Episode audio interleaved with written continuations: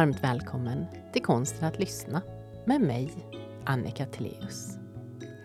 Till detta samtal har jag bjudit in Sveriges första kommunpoet, Jimmy Alm.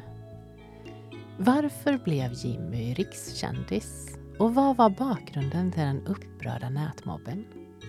Vi pratar om livskriser, om hur ovant det är att bli lyssnad på och hur Jimmy gjorde för att dikta en ishall, en betongfabrik och gammeldanslaget. När du ber någon att berätta om sitt liv på en timme så kommer du ner till det existentiella. Du ser personen och det uppstår en stark kontakt. Varför blir man klokare när någon lyssnar? Det här är konsten att lyssna.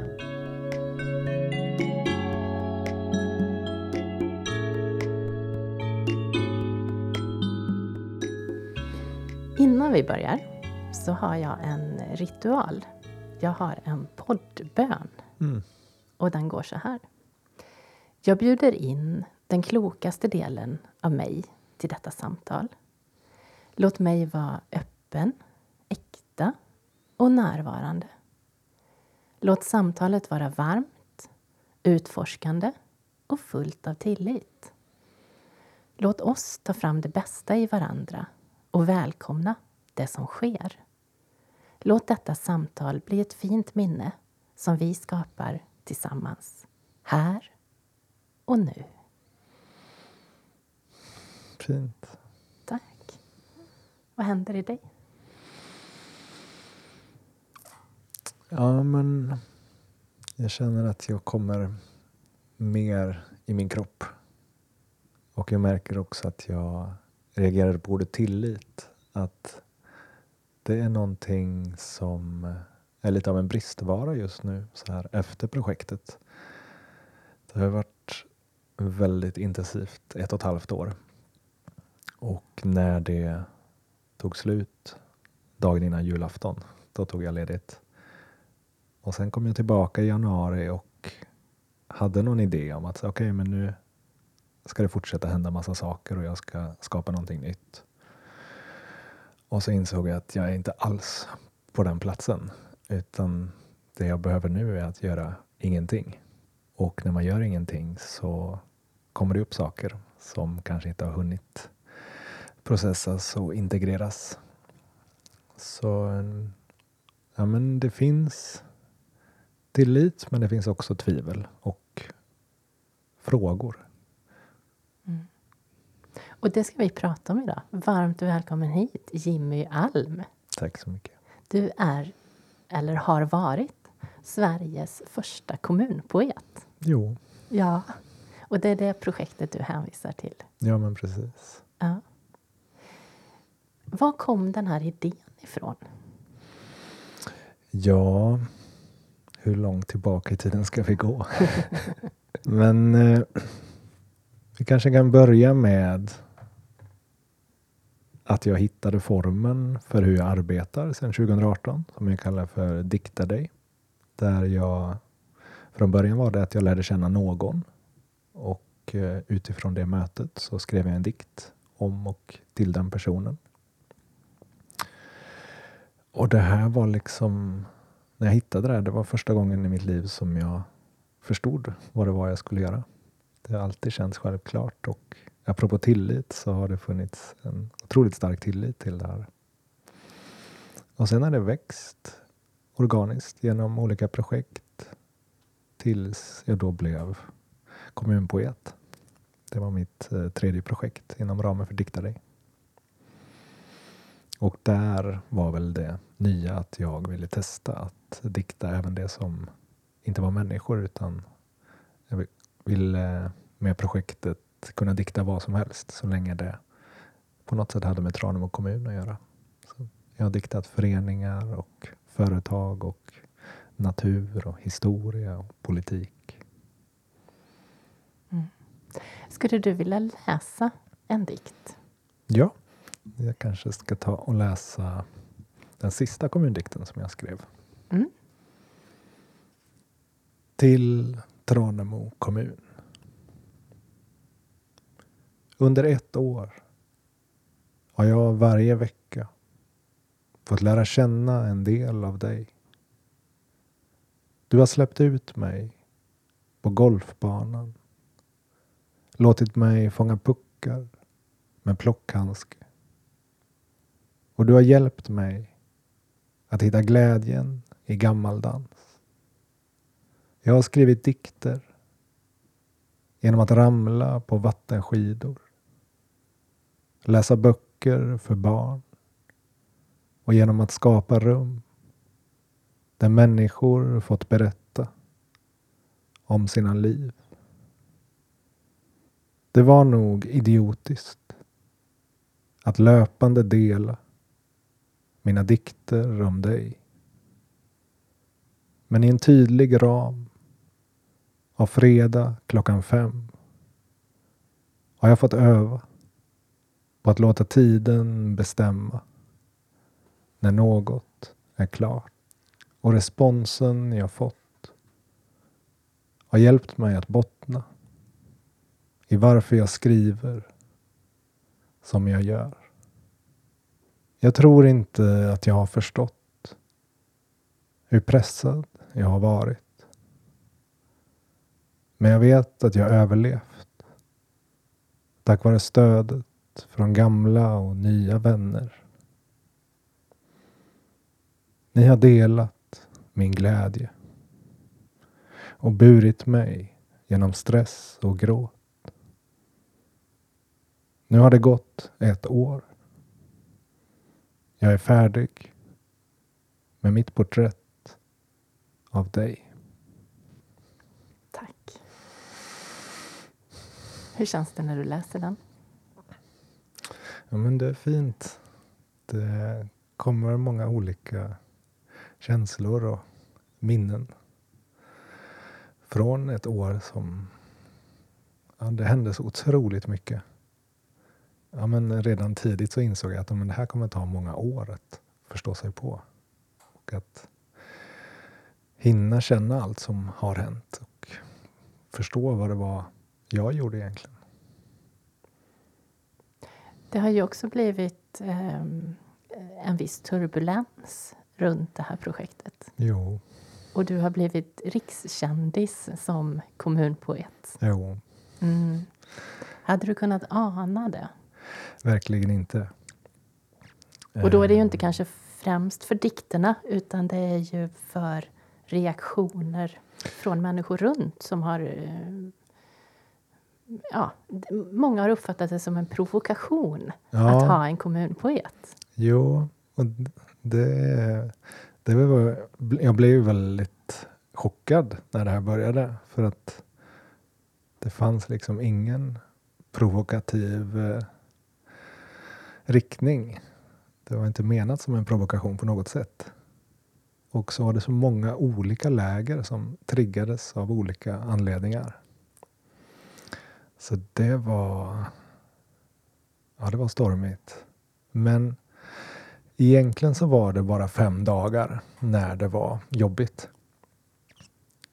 För när det här blossade upp, då var jag lyckligtvis på en liten festival i Uddebo där jag bor. Så jag hade många nära och kloka människor runt mig. Så att jag kunde gå igenom det ganska snabbt. Och sen var det som att jag insåg att jag hade ett val. Alltså, men jag kan väja undan för det här och bara göra det jag ska. Eller jag kan säga ja till det och eh, växa utav all den energin som riktas mot mig. Och då kändes det mest spännande och mest självklart att säga ja.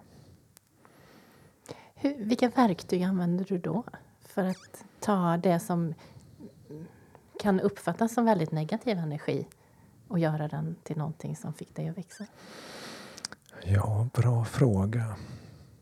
Ja, men det mest konkreta jag kan komma på är att på den här festivalen, och när jag säger festival så betyder det väldigt olika för olika människor tror jag. Men vi var kanske en grupp på 50 personer som var på ett och samma ställe och skapade saker tillsammans. Och en del av oss höll workshops. Och då var det framförallt en andningsövning. där jag kände att jag verkligen kom i kontakt med den ilska som jag hade inom mig. För att det kändes på ett plan så otroligt orättvist att så många som inte vet någonting om vem jag är eller vad det är jag faktiskt gör har en sån stark kritisk åsikt. Så det var väldigt skönt att känna den ilskan och gå igenom den. Och sen var jag liksom klar med att vara arg. Sen kom ju den tillbaka ibland beroende på vad som hände. Men eh, det är väl just det tror jag att verkligen kunna känna det som känns och att kunna formulera det för mig själv. Vad är det som händer? Och i mitt fall den viktigaste delen i formulerandet var att med det här trycket så tvingades jag stärka min egen berättelse. Så men varför gör jag det jag gör? Och där är det enkla svaret men min lojalitet när jag diktar, den ligger gentemot den eller det jag diktar. Och om den personen eller de personerna som direkt berörs av dikten, om de känner sig sedda, då är det, då är det lyckat för mig. Så fint. Ja, oftast gäller det att hitta det där enkla. Mm.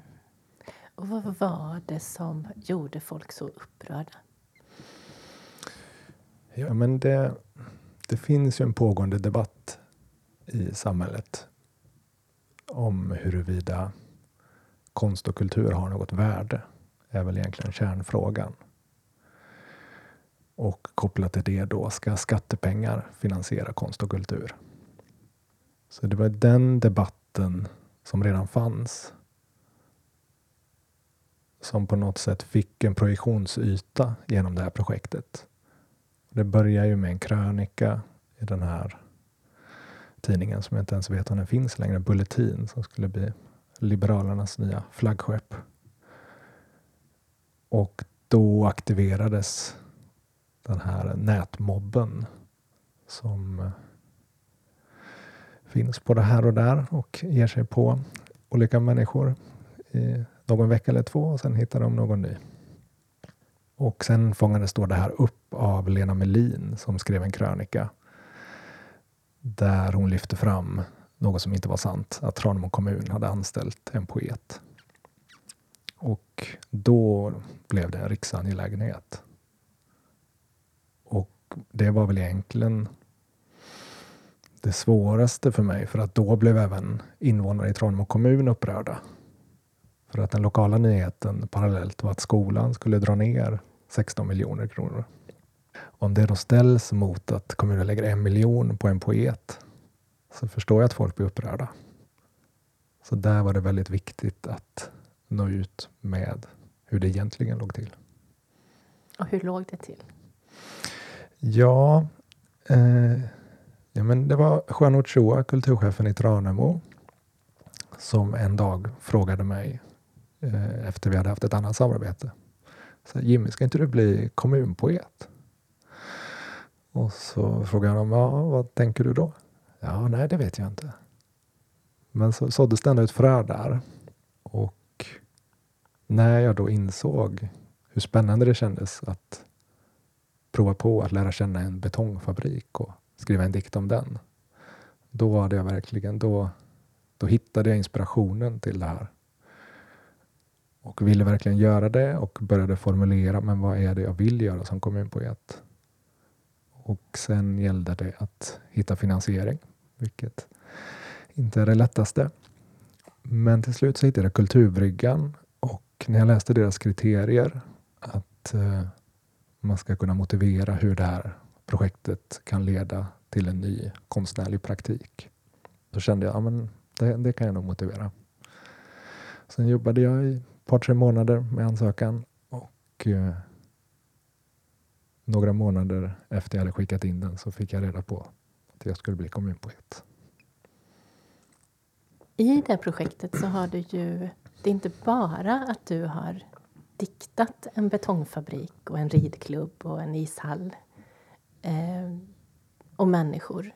Utan du har också gjort filmer som du har lagt ut varje vecka. Du har andra konstnärer som har tolkat dina dikter. Det är ju ett otroligt ambitiöst projekt. Ja, jag hamnar lätt där. Att, um, om jag verkligen går igång på någonting, då vill jag göra det så bra som det går. Och det är på gott och ont att jag har väldigt höga krav på mig själv. Vilket jag tror att många konstnärer har. Eh, så att det innebär också att när jag väl har gjort ett sånt här projekt, då är jag helt slut. Och det här är det största och det längsta projektet jag har gjort. Det ska bli spännande att se hur lång tid det tar innan inspirationen vaknar till liv igen. Ja, för du har också skrivit en bok där du har sammanfattat det här året. Ja. ja. Är det en del av projektet eller hade du den tanken från början? Både och. Jag hade tanken från början, men det är inte en del av projektet utan någonting jag har gjort efter projektets slut. Men som kändes väldigt självklart för att få ett tydligt konkret avslut på projektet. Att det var det här som hände. Och kanske särskilt i relation till rubrikerna i media hösten 2021 som spred en bild som kanske kan kokas ner till att Jimmy Alm anställdes av Tranemo kommun för att skriva en dikt i veckan och fick en miljon kronor rakt ner i fickan för att göra det. Vilket kändes lite missvisande. Och om du skulle kontra med en beskrivning, hur skulle din beskrivning se ut? Ja, det där är ju svårt. Därför jag har gjort en bok, tror jag. det går liksom... Inte, det är inte helt lätt att beskriva vad det var jag faktiskt gjorde. Bara en sån sak som att om man tror att jag var anställd av Tranemo kommun så kan man heller inte se att jag också var projektledare, vilket kanske var 40 procent av min arbetstid. Där jag skötte bokföring och marknadsföring och sociala medier och gjorde planering och tog kontakt med alla som jag skulle intervjua och träffa. Det är en ganska stor del av att driva ett projekt. Mm. Hur har processen sett ut? För jag har ju läst din bok, den är en jättespännande läsning. Och där får man ju dikten, man får dina tankar, man får även tolkningar från andra konstnärer. Mm. Men när du närmar dig det du ska dikta, den du ska dikta eller det du ska dikta. Hur ser processen ut för att du avlyssnar mm. det du ska dikta till det att du har en dikt? Ja, Ja, men det, till att börja med är det ganska olika processer att dikta en människa eller någonting som är mer av ett abstrakt subjekt, eller vad man ska kalla det. En människa är det ganska enkelt, också eftersom vi gjort det i många år. Att då får man boka en tid och så under en timme så får den personen berätta om sig själv, sitt liv och sina tankar. Och mitt uppdrag är framför allt att lyssna och att vid behov ställa frågor och anteckna. Och där, eftersom jag blivit intervjuad ganska mycket under året så har jag tänkt en del på den här skiljelinjen som ändå jag upplever finns där. Att en journalist har ofta en, en plan eller en idé om vad det är för typ av artikel det ska bli och styr samtalet med frågor. Men jag försöker alltid att komma så tom som möjligt. Att när jag inleder det här samtalet och har sagt det jag ska säga att jag har sekretess och jag kommer inte visa dikten för någon annan om du inte godkänner det. Och Det är ditt samtal. Du bestämmer vad du vill prata om och hur personlig du vill vara. När den biten är avklarad, då är det som att personen Jimmy Alm drar sig tillbaka Och så blir jag något som bara tar in. Och sen har vi då kommundikterna. Där jag varje vecka har lärt känna något som finns eller händer eller har hänt eller kommer att hända i Tranemo kommun. Och där har processerna sett ganska olika ut beroende på vad det är jag ska dikta. Eh, det som har varit starkast för mig personligen är när jag har diktat någonting som jag kan uppleva inifrån. Att till exempel när jag diktade Gammaldansarna så skrev jag upp mig på en nybörjarkurs i gammeldans för att känna vad, vad är det att dansa gammaldans? Eh, och det har varit väldigt spännande på ett personligt plan för jag är, har alltid varit livrädd för pardans där det finns så mycket regler. Eh, men det var jättekul. Så att, även på ett personligt plan så har jag fått växa väldigt mycket som människa under det här projektet och prova på olika saker och träffa väldigt många olika typer av människor. När du har samlat på dig antingen en livshistoria från en person eller du har dansat gammaldans. Eh, Eh, hur lång tid tar det innan det blir ord? En färdig dikt? Ja, alltså ibland så kommer vissa delar redan under samtal med människor. Att det blir så tydligt att något är väldigt centralt för den här personen eller verksamheten. Och ibland så behöver jag verkligen gräva i materialet och gå igenom anteckningarna gång på gång tills jag hittar någon ingång och kan börja bygga därifrån. Men sen är det ju som med poesi och allt konstnärligt skapande att det kan ta några timmar eller det kan ta fem år att skriva en dikt. Och i det här projektet så hade jag en väldigt tydlig ram att varje vecka så ska jag släppa en kommundikt utöver allt annat jag gjorde i projektet. Så i praktiken så hade jag oftast två arbetsdagar ungefär per dikt. Både att göra research, att skriva dikten och att spela in en video. Så det, det var spännande och ganska bra för mig som då har höga krav på mig själv att tvingas se förutsättningarna. Okej, okay. det var så här långt jag kom med den här dikten. Jag kunde ibland känna att det finns minst ett lager till som jag skulle kunna koncentrera ner det här till. Men ska jag hinna spela in den så måste den vara klar nu. Och jag har aldrig släppt en dikt som jag har känt varit oklar. Utan så, ja, men det var så här den blev och det är okej. Okay. Du har ju mött väldigt mycket kärlek också. Ja, det är, det är ofattbart. För efter de här fem skitdagarna så har det varit 99 procent väldigt positiva reaktioner och mycket stöttning. Och, mm, ja, det har varit jättefint verkligen. Mm. Och de som du har diktat har ju upplevt att de verkligen är lyssnade på och förstådda. Ja, jo, men det är min upplevelse. Och det är också därför jag har med i boken responsen från de som har fått sin dikt.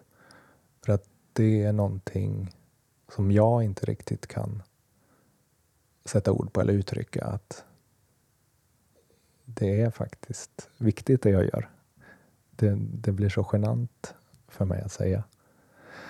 Så det är fint om andra kan... Det är fint när andra delar vad det har betytt för dem. Och jag tror att det är där min tillit till Dikta dig kommer ifrån. Att jag får så väldigt fin respons. Och det blir så tydligt för mig att det jag gör betyder någonting. Hur har det varit att kliva in i en människas liv så där direkt? Ja... Alltså Vad det, har hänt mellan er? Det är ju väldigt speciellt att låta någon prata i en timme utan att egentligen bli avbruten. Om jag gör mitt jobb rätt så blir det så. För då hinner en människa alltid komma ner till de existentiella nivåerna av livet. Och när man väl har börjat dela det då uppstår det en, en väldigt stark kontakt. Så det är många av dem jag har diktat som har blivit bekanta eller vänner idag som jag är hemma på middag hos ibland och sådär. Att det uppstår ett band. Och det är väl kanske det som är relationer, att visa sig för någon annan. Har du upplevt att människor tycker att det är ovant att jo. bli lyssnade på? Jo, verkligen. Eh, men det finns en kategori människor som kommer till samtalet och är väldigt nervösa för att de vet inte vad de ska prata om och de tror att det är omöjligt att prata i en timme. Eh, och då är det min uppgift att hitta frågor som sätter igång samtalet.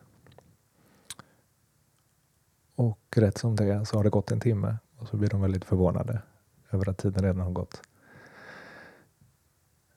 Så att jag tror att det finns ett starkt behov hos många att få visa sig och att få berätta om vem man är. Både att göra det för någon annan men också för sin egen skull. Och de två bitarna hör nog ihop när jag tänker efter. Att, att få göra det för någon annan gör det lättare att formulera sig. Och den här känslan av att bli sedd. Att det ger en mening på något sätt. Det är något helt annat att berätta om sig själv för en annan människa än att sitta hemma i ett tomt rum och berätta om sig själv. Var det ibland att det hände att folk blev överraskade över vad de själva berättade? Jo, det, det hände helt klart. Och men, bland de människorna jag diktade det här projektet så var det till exempel en person som när hon fick sin dikt kände så oj, den här är alldeles för privat, den vill jag inte att andra ska läsa. Och det, det är helt okej okay för mig det absolut viktigaste är att det känns bra för personen som har gett mig sitt förtroende. Så att publicera något mot någons vilja, det skulle, det skulle inte hända. När det kommer någon som inte riktigt vet vad de ska berätta, vad kan vara din öppningsfråga i ett sånt läge? Ja, men ofta så försöker nog identifiera var personen vill börja. Och då kan det till exempel vara, skulle du helst vilja berätta om hur ditt liv ser ut nu utifrån någon sorts helikopterperspektiv? Eller skulle du vilja berätta hur ditt liv började? Och sen brukar det rulla på. Och för en del som kommer så har de, de man får också när man bokar en tid eh, en, eh, vad ska man kalla det? Uppmaning är inte riktigt rätt ord, men något åt det hållet. Att fundera på om det är något särskilt man vill prata om. Men att man heller inte behöver ha något specifikt att komma med. Men en del har just det. Och då, då behöver jag oftast inte ställa några frågor alls, utan då rullar det på. Och då är det oftast att man är mitt uppe i någon större förändring som man vill bli klokare på. Mm. Tänk att man kan bli klokare för att någon lyssnar. Ja, och för att man sätter ord på det. Mm. Det, ja, det är enkelt men kraftfullt. Mm. Inledningsvis så pratade du om den här tilliten um, och tvivel. Men du har ju väldigt, väldigt snabbt byggt upp en tillit med den som kommer. Ja. Nej, men i det avseendet så, så är min tillit intakt. Nu är det mer frågor om vem jag vill vara och hur jag vill leva. Vill jag vara en offentlig person? Vill jag att dikta dig ska vara mitt levebröd? Hur mycket vill jag jobba egentligen? Vad vill jag göra härnäst? Vad har det här året gjort med dig? Eller de här två åren kanske? Ja du. På ett sätt så är det för tidigt att svara på det. Att det, jag, jag är fortfarande i det, så att det går inte riktigt att se det. Hade du frågat mig för ett halvår sedan så hade svaret varit något annat än vad det är idag. Så jag, vet, jag skulle kunna gissa. Men jag kan inte få fatt i det med orden. Och det är väl kanske därför som jag är i den här perioden som jag är just nu. Där det finns tvivel och frågor. Att just nu vet jag inte riktigt vad det är som har hänt och vad som händer och vad jag önskar ska hända.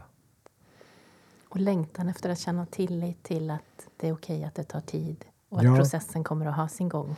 Ja. Så det är oftast, mitt liv går oftast i sådana här cykler. Att jag gör något väldigt intensivt och sen tar någon form av sabbatstid. Och att det ofta är en förvirring efteråt. Och att den får brytas ner i bitar. Någonting som var avgörande för mig för ett tag sedan var när jag kom på att men det här året ska inte vara framgångens år.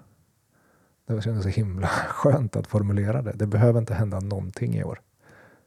Det viktigaste för mig det här året är välmående och eh, mänskliga relationer. För det har jag kompromissat med ganska mycket under den här projekttiden. Jag blir jättenyfiken. Vad är framgång för dig?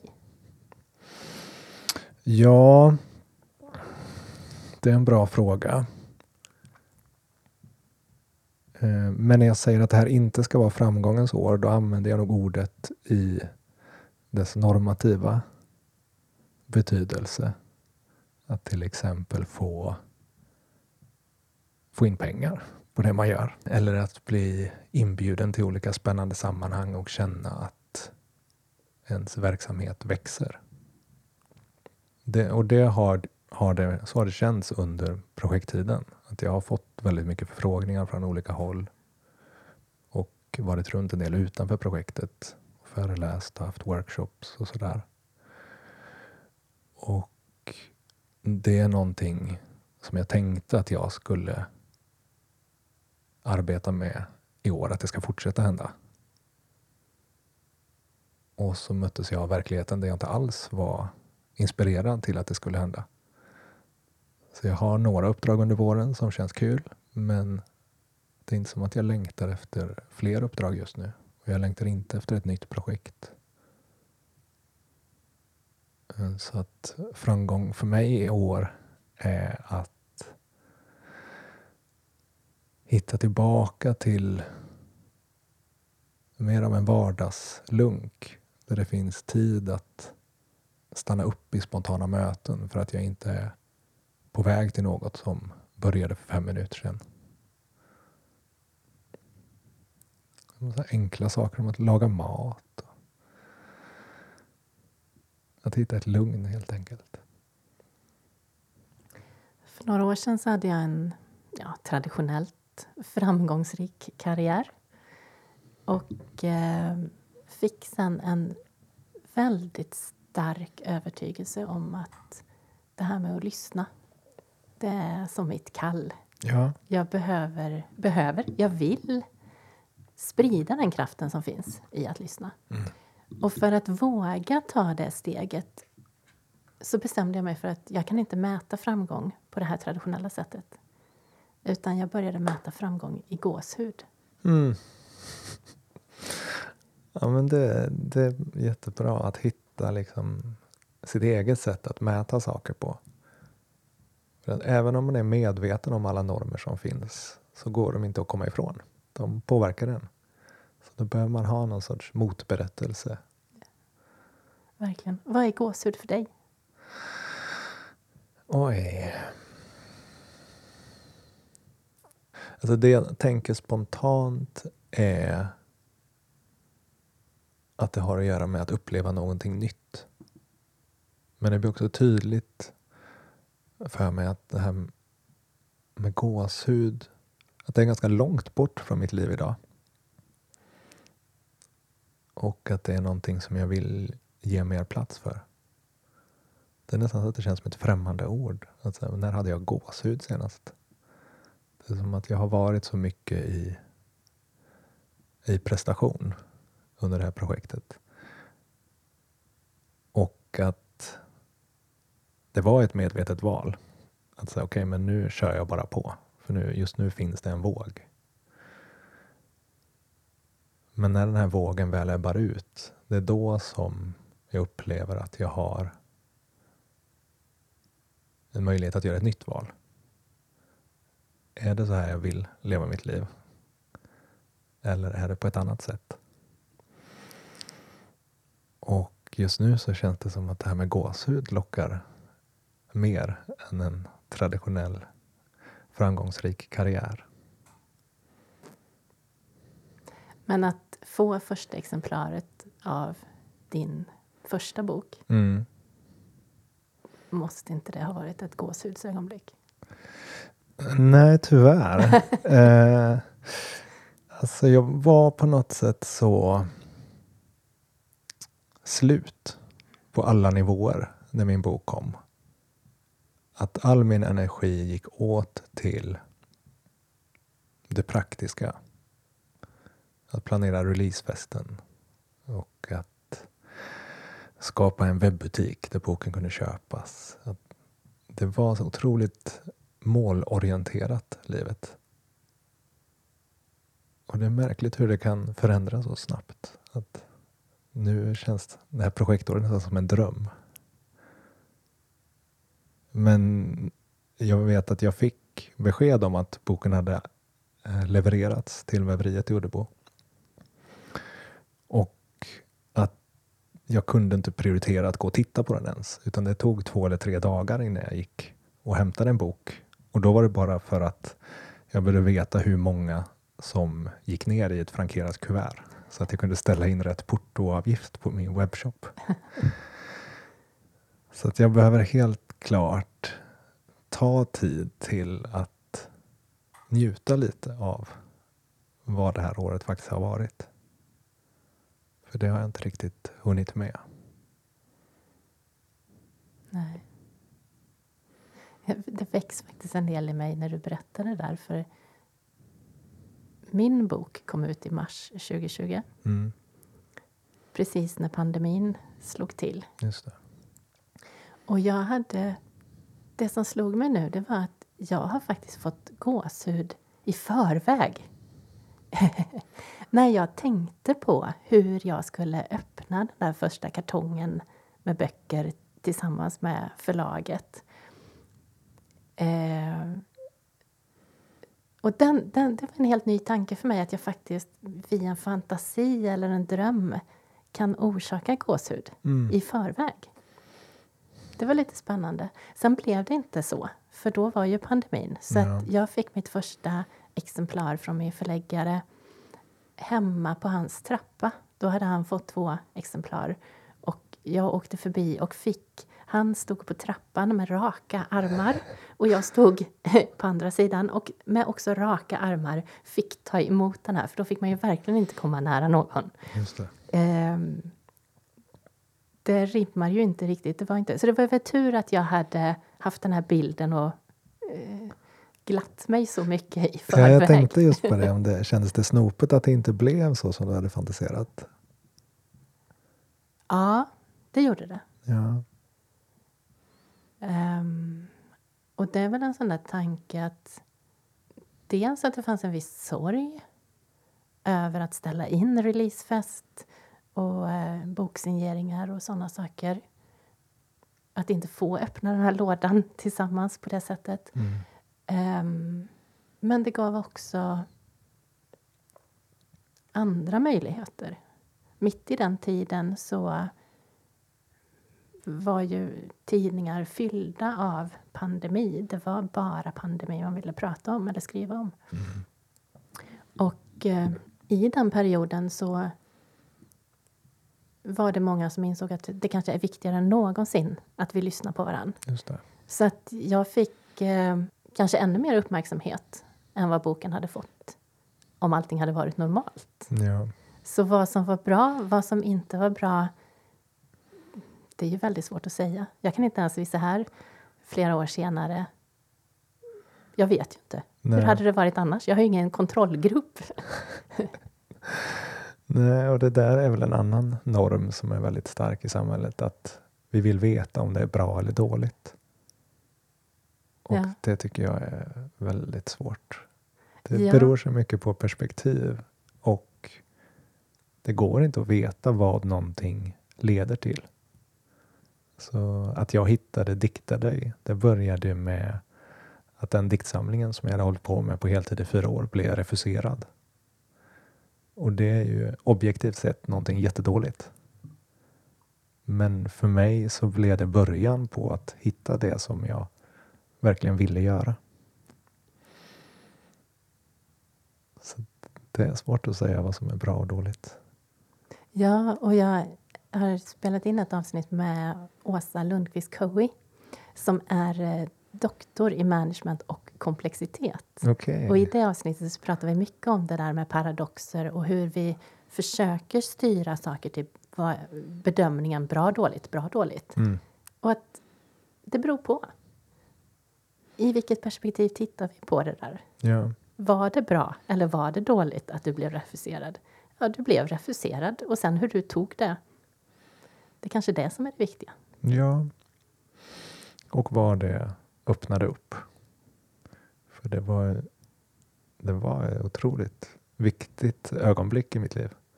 Eller, det var en livskris som varade i lite mindre än ett dygn. Du har väldigt snabba processer. Ja, ibland. Om en livskris varar i ett dygn och den här mediastormen som blev, det tog fem dagar. Ja, fast den måste jag säga att jag fortfarande håller på och processar. Okej. Men lite mer eh, i periferin. Mm. Men den här livskrisen, det var, det var, jag var verkligen nere på botten. Och det, är det var kanske det att det gick så snabbt ner till botten. För att det var en sån stor grej. Men när man väl är där så är, är det lätt hänt att man hittar något som får en att studsa upp igen. Och i mitt fall så var det att jag, jag kommer ju inte från en skrivande bakgrund. Utan jag började skriva först när jag var 20. Så att det har alltid varit en någonting mer eller mindre medvetet, en sån identitetsgrej. Att här, men får jag verkligen skriva? Och 2014 när jag bestämde mig för att satsa på skrivandet på heltid. Då blev mitt mål att vara utgiven på ett förlag. För det var den enda vägen jag såg som man kunde kalla sig för en författare. Och det var det jag ville vara. Så när den här diktsamlingen blev refuserad så rasade hela det här drömslottet.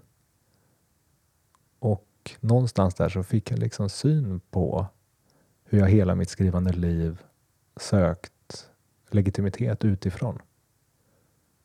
Och när jag fick syn på det så var det som att puff, försvann. Jag behöver inte legitimitet utifrån för att göra det jag vill. Om du hade kommit till mig för att jag skulle dikta dig, Ja vad hade du velat berätta för mig då? Eh, Det är ju de här vändpunkterna i en människas liv som jag själv tycker är mest intressanta. När en förstår någonting om sig själv som skapar en ny väg. Så kanske att jag hade pratat om det.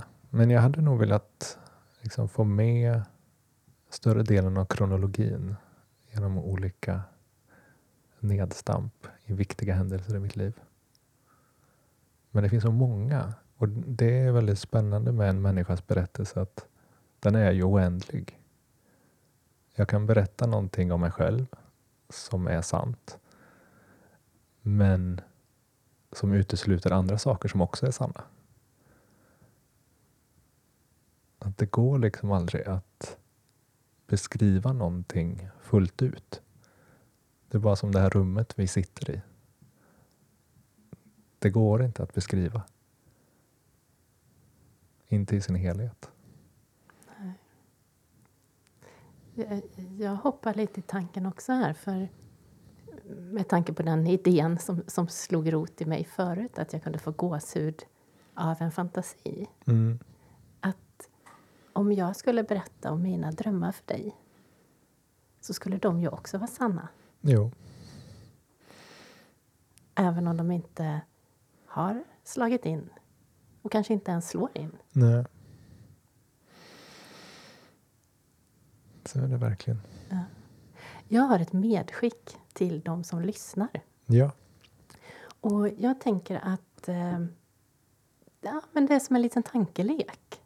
Lek med tanken att Jimmy skulle dikta dig. Vad skulle du vilja berätta? Och vad skulle du bli väldigt glad för om han såg i dig? Och vem kan du berätta det för? Men Jättefint.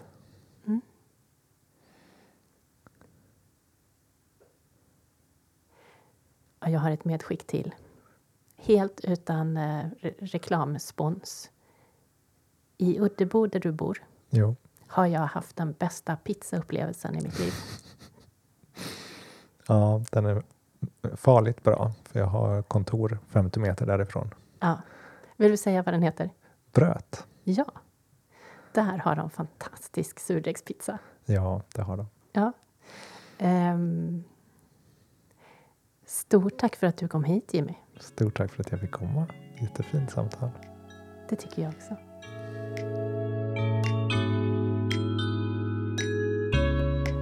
Vad är framgång? Det är lätt att fastna i normer och prestation. Att fundera över frågan och hitta sitt eget sätt att mäta kan hjälpa oss att hitta mer rätt i livet. Jimmy berättar att många varit ovana att bli lyssnade på och hur snabbt man kan skapa en relation genom att visa sig för en människa som lyssnar. Under vårt samtal blir jag medveten om min förmåga att ta ut gåshud i förskott och får även insikten att när jag berättar om mina drömmar så blir de sanna. Gillar du detta avsnitt så kan jag varmt rekommendera avsnittet med Navid Modiri där vi pratar om att lyssna för att förstå. Vill du veta mer så finns Konsten att lyssna även som bok.